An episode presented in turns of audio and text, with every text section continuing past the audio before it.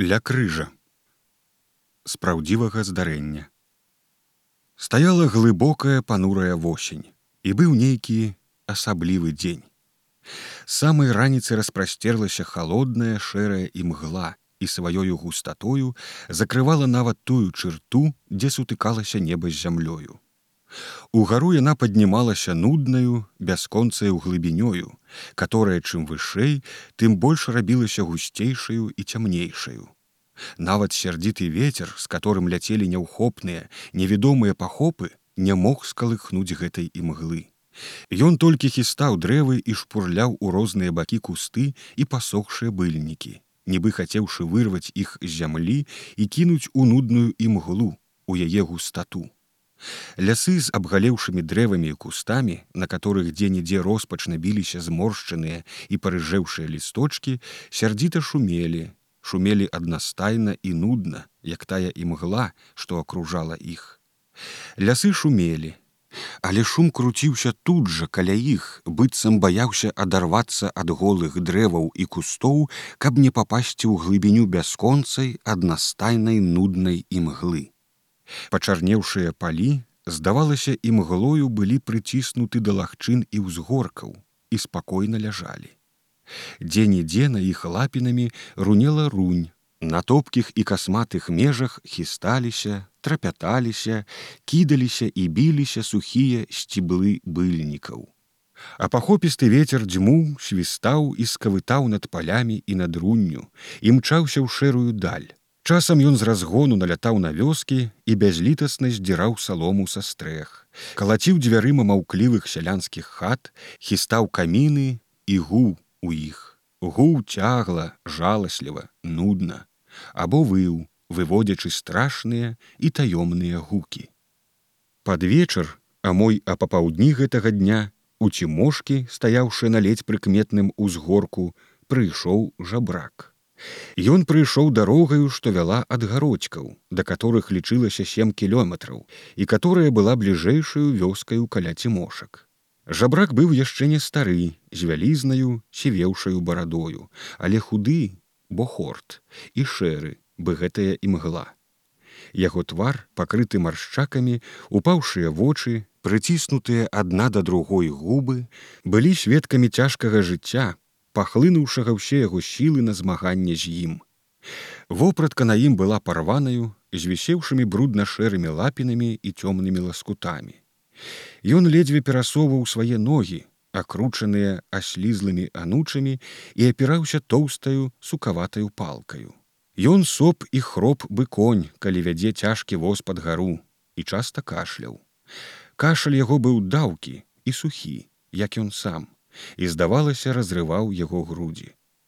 Увайшоўшы ў вуліцу, жабрак пры першай жахацеля, которой ляжаў вялікі абмоклы камень, пасядзеў на ім, адсопся, адкашляўся і цяжка падняўшыся, пайшоў у хату прасіцца нанач. Але яго не пусцілі. Ён зайшоў у другую, не пусцілі. Зайшоў у трэцюю, чацвёртую, дзясятую, тое самае. Ён прайшоў усю вёску, і ніхто не жаліўся над ім, ніхто не прыняў яго. Як узгаварыўшыся ўсюды яго выпраўлялі і казалі, што не маюць дзе палажыць або няма месяца. Выйшаўшы з апошнія хаты на другім канцы вёскі, жабрак сеў на яе прызьбе і моцна закашляўся. Гэтым разам ён кашляў вельмі доўга, бо яго горла сціскалася яшчэ нечым, даўно перажытым і забытым. Але цяпер яно ажыло, выпаўзла з глыбіні яго душы і перашкаджала яму кашляць. Калі кашаль крыху асеў, а ў грудзёх пачалося знаёмае яму звычайнае хрыпаценне, цяпер змешанае з пачуццём нейкае асаблівае дакукі і суму, жабрак падняўся і пайшоў з вёскі. Ён ішоў падаваўшыся наперад усім целам, бо якраз насустрач яму дзьмуў ветер, который са свістам праносіўся мімо яго вушэй і калмышыў яго бараду. Ён ішоў патупіўшы галаву і думаў. І ўсё, што не ўзнікала ў яго думках, здавалася яму дзікім, страшным, бязлітасным. І ўсё, на што кідаў ён нявольны погляд сваіх вачэй, здавалася яму дзікім, страшным, бязлітасным. Нават тая дарога, па которой ступалі яго ногі, наганяла ў яго душу нейкія яму ніколі няведамыя сум і страх. Ён ішоў і праклінаў яе. Праклінаў за тое, што яна няведама куды вяла яго ад людзей. Недалёка ад цімошак на ростане, куды падыходзіў жабрак, стаяў высокі крыж. Ён быў стары, падгніўшы пры зямлі, і сянешні ветер хістаў і варочаў яго ў розныя бакі. Сярдзітыя пахопы ветру сарвалі з яго і зімчалі недзе ў шэрую даль белую палатняную вышываную перавязку, которую павесілі на ім цімошкінскія дзяўчаты у памяць быўшага пазалетась хрэснага ходу. Невялічкая фігура раскрыжованага Хрыста, сваім часам прыбітая на скрыжаванне дзеравін, цяпер адарвалася і вісела толькі рукою. Яна цяляпалася і стукала па крыжавіне, нібы выбівала нейкія таёмныя гукі знакі. Яны былі ледзьве чутны, бо іх заглушалі несціхаўшыя шум і свіст ветру, которые чарадаваліся то выццём, то скогатам, то гулам, то нейкім дзікім нечалавечым плачам. Здавалася, усе гэтыя гукі зліліся ў адзін лямант і кружыліся там, у гары, ля целяпаўшайся фігуры Хрыста. Жабрак, падышоўшы да крыжа, затрымаўся і нешта думаў ківаючы галавою.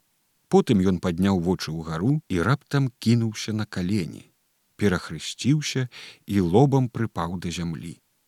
Ён маліўся: Божа ўсемагутны, міласэрдзе тваё бязмежнае, літасць твоя невычэрпаная, дабрата твоя бясконцая, не пакідай мяне, не astаўляй мяне без твае апекі веру што не людзі не прынялі мяне што не людзі адхінуліся ад мяне сяння а ты ласкавы Божа даруй жа божачка мае грахі і прыступкі якімі я вольна ці нявольна абразіў твой найсвяцейшы мае стат прабач мяне грэшнага і злітуйся Хрыста Калі жа брак выліў слязьмі ўсё тое, што было ў яго на сэрцы, яму зрабілася так лёгка, так добра, што ён прадаўжаў ляжаць ля крыжа і заснуў.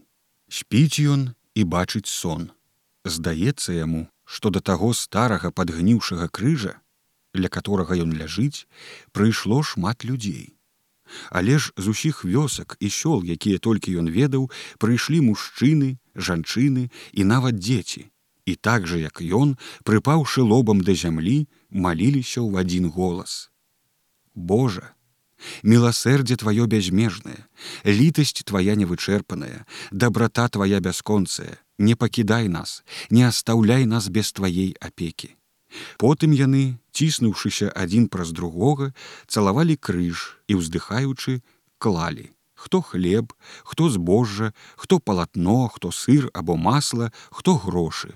Клалі проста на зямлю і столькі далі рознага добра, што хапіла б жабраком усяго свету на ўсё жыццё і занялі тым добром столькі месца, што на ім можна было бы пабудаваць велізарную вёску. А людзі, здаецца, не бачаць яго і ўсё кладуць і кладуць. Аж ён дзівіцца, адкуль яны толькі бяруць тое добро. Потым аднекуль пабралі свечкі, пазапальвалі іх і стаўшы на калені кругом наваленага добра, усе яка адзін зацягнулі. Прыймі Божа ў ахвяру нашу мазольную працу і пашлі нам здароўе і сілы працаваць для большае твае славы. І вось, здаецца, аднекуль узяліся драбіны і спусціліся зверху крыжа.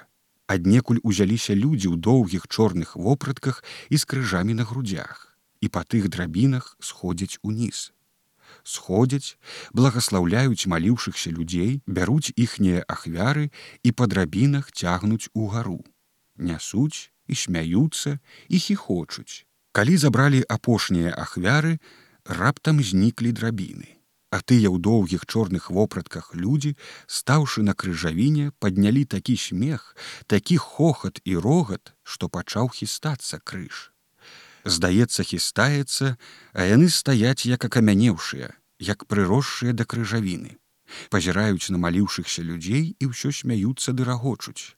Аж яму робіцца страшна. Ён зірнуў на Хрыста. А Христос, здаецца, стаіць, прысланіўшыся да крыжа, стаіць з нахінутай галавою ды так плача, так заліваецца слязамі, што яны капаюць ажно на яго і б'юць яго па галаве ды так балюча, што ён не можа сцярпець. Адна слязіна, здаецца, так моцна выцела яго па патыліцы, што ён крыкнуў дзікім, несамавітым голасам, аж людзі кінулі маліцца і некуды паўчакалі, а тыя, што смяяліся і рагаталі, некуды зніклі. Тутака жабрак прачхнуўся і, не верачы сам сабе памацаў патыліцу, але на ёй нічога не было. Ён павярнуўся і пачуў нешта бразнула аб камень. Ён пашчупаў і абмацаў фігуру Хрыста, которая сарвалася сцвяка. Жабрак, прыціснуўшы фігуру да сваіх грудзёў, стаў на калені і маліўся. Божа, міласэрдзе тваё бязмежнае, літасць твоя невычэрпаная, дабрата твоя бясконцая, не пакідай мяне, не astаўляй мяне без тваей апекі. Ён падняўся і зірнуў на цімошкі. Тамака ўжо гарэлі агні, але нейкія туманныя і расплываліся ў паветры. Вецер жа не сціхаў, выў, скавытаў, калмашыў яго бараду і хістаў крыж.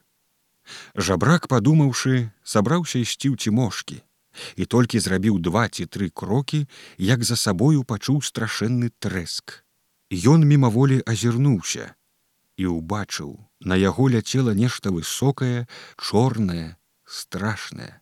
Ён хацеў саскочыць у бок, але не паспеў, бо тое высокае, чорнае мігам наляцела на яго і ударыла па галаве, але з такою сілаю, з такім імпатам, што ён не ўстаяў на нагах і паваліўся на ўзнак на зямлю.